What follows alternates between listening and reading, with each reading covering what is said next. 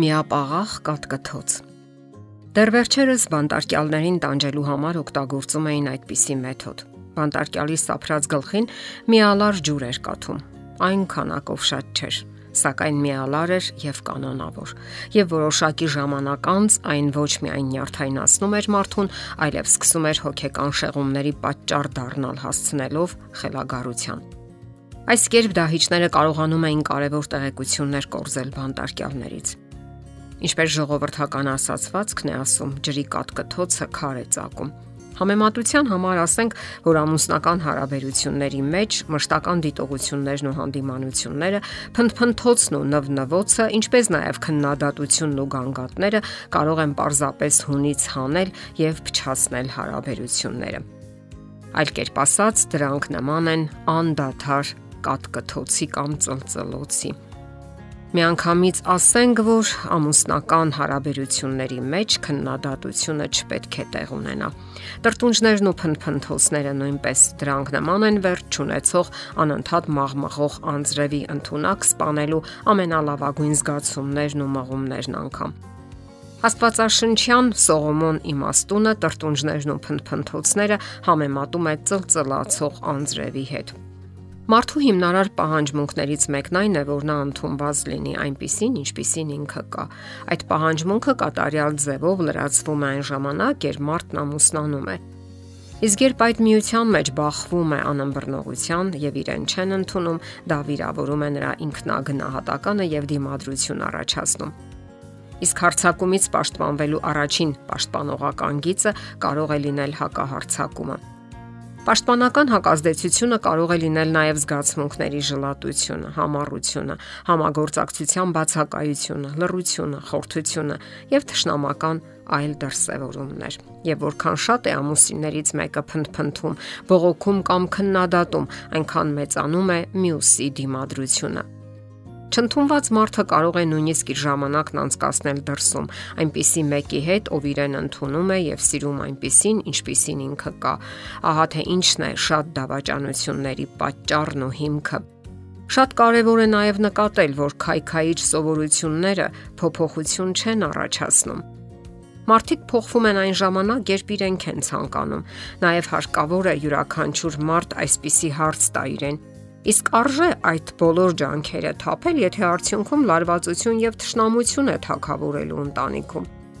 Որքանով է դա ճիշտ ու խելամիտ, որ մեր դիմացինը անպայման համապատասխանի մեր պատկերացումներին։ Արդյոք նա պարտավոր է մտածել հենց մեր նման, հենց մերն է ճիշտը։ Չէ որ ես, որպես շարքային մարդ, սխալական եմ եւ սահմանափակ իմ ընտունակություններում եւ պատկերացումներում Արդյոք անհամեմատ ավելի ճիշտ չի լինի դիմացինի հետ զարգացնել վստահելի, հուսալի փոխհարաբերություններ եւ դաստիարակել հուզականորեն առողջ երեխաներ։ Չէր խանգարի նաև այս հարցը. ով է վերջապես այս բոլորի մեղավորը։ Հնարավոր է հենց մենք Իսկ ինչու ենք ցանկանում փոխել մեր դիմացինին, որpիսի ավելի լավը դառնա, ավելի կատարյալ։ Սա գուցե առաջին հայացքից արդարացված է, սակայն այս դեպքում խախտվում է քրիստոնեության հիմնական սկզբունքներից մեկը։ Քրիստոնեական սկզբունքի էությունն այն է, որ մենք փոխենք մեզ, այլ ոչ թե դիմացինին։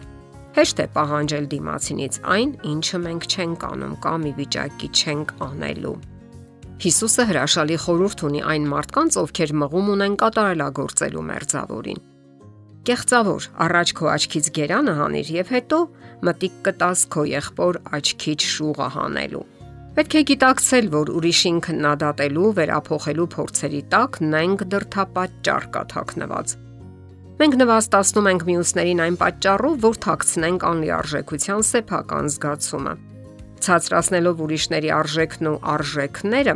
մենք փորձում ենք բարձրացնել կամ սատարել մեր սեփական խախուտ ինքնագնահատականը։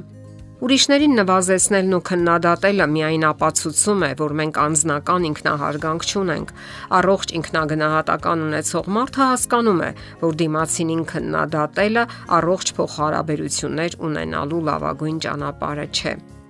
Հոգեբանորեն առողջ մարդը բնական է ընդունում սեփական սխալներն ու անկատարությունը։ Ճիշտ նույն ձևով նա ընդունում է նաև դիմացինի սխալներն ու մարդկային անկատարությունը։ Առողջ հարաբերությունների դեպքում զույգը պետք է նաև անկալ լինի, ընդունելու դիմացինի ասելիքը, պատրաստ լինելով ինչ որ բան փոխելու իր մեջ, այլ կերպ հնարավոր չէ հասնել կայուն ու վստահելի փոխհարաբերությունների։ Այդպիսի հարաբերությունները նաև որոշակի զիջումներ են պահանջում, նաև զոհաբերություններ, այլ կերպ հնարավոր չէ։ Երկար հնարավոր չէ վիրավորել կամ նվաստացնել դիմացինին։ Հանգուցալուծումը արագ վրա կհասնի։ Հնարավոր է, որ կողմերից մեկը անընդհատ զոհաբերության գնա, սակայն դա էլ երկար կյանք չունի, քանի որ երկար չի կարող շարունակվել։ Շատ տղամարդիկ նույնիսկ գերադասում են խապված մնալ, միայն թե լինի հնազանդություն, թեկուզ ձևական։ Շատ զույգեր այդպես էլ ապրում են այս աշխարհում։ Նրանց համար փակ գիրք է մնում հուսալի ու վստահելի հարաբերությունների կարևորությունը, խապված չլինելու ապահովությունը։ Իսկ առողջ մարդիկ դա սկսում են իրենցից։ Ընդհանրապես սա չի նշանակում, թե չի կարելի դիտողություն անել կամ ինչ որ բան փոխել։ Իհարկե կարելի է, սակայն շատ ավելի կարևոր է թե ինչ տոնով եւ ինչ ձևով ենք այդ ամենն անում կամ ասում։ Չի կարելի թունավոր դիտողություններ անել, թուն դարտահայտություններ օգտագործել, մատնանշել ֆիզիկական արատները, մարմնի առանձնահատկությունները, ազգակցական կապերը բարեկամներին Յուրաքանչյուր ողջախոհ անznավորություն ինքը կարող է հասկանալ, թե ինչ կարելի է ասել եւ ինչը ոչ։ Դրսի մարդկանց հետ մենք ծայրահեղ զգույշ ենք քաղաքավարի, իսկ ահա հարազատ մարդկանց հետ չգիտես ինչու ամփույթ, կոպիտ ու անտարբեր։ Ձգտենք ուրախadir լինել, ըմբռնող եւ անկալ այն մարդու կողքին, ում ապարգևել է մեզ կյանքը։ Հենց նրան կարող ենք մենք երջանկացնել։ Լավագույնը մեր կողքին է։ Եվ ամենակարևորը հիշենք, միապաղաղ կատկթոցը նյարդայնացնում է։ Եթերում ընտանիք հաղորդաշարներ։ Ձեզ հետ է Գեղեցիկ Մարտիրոսյանը։ Հարցերի եւ առաջարկությունների համար զանգահարել 033 87 87 87 հեռախոսահամարով։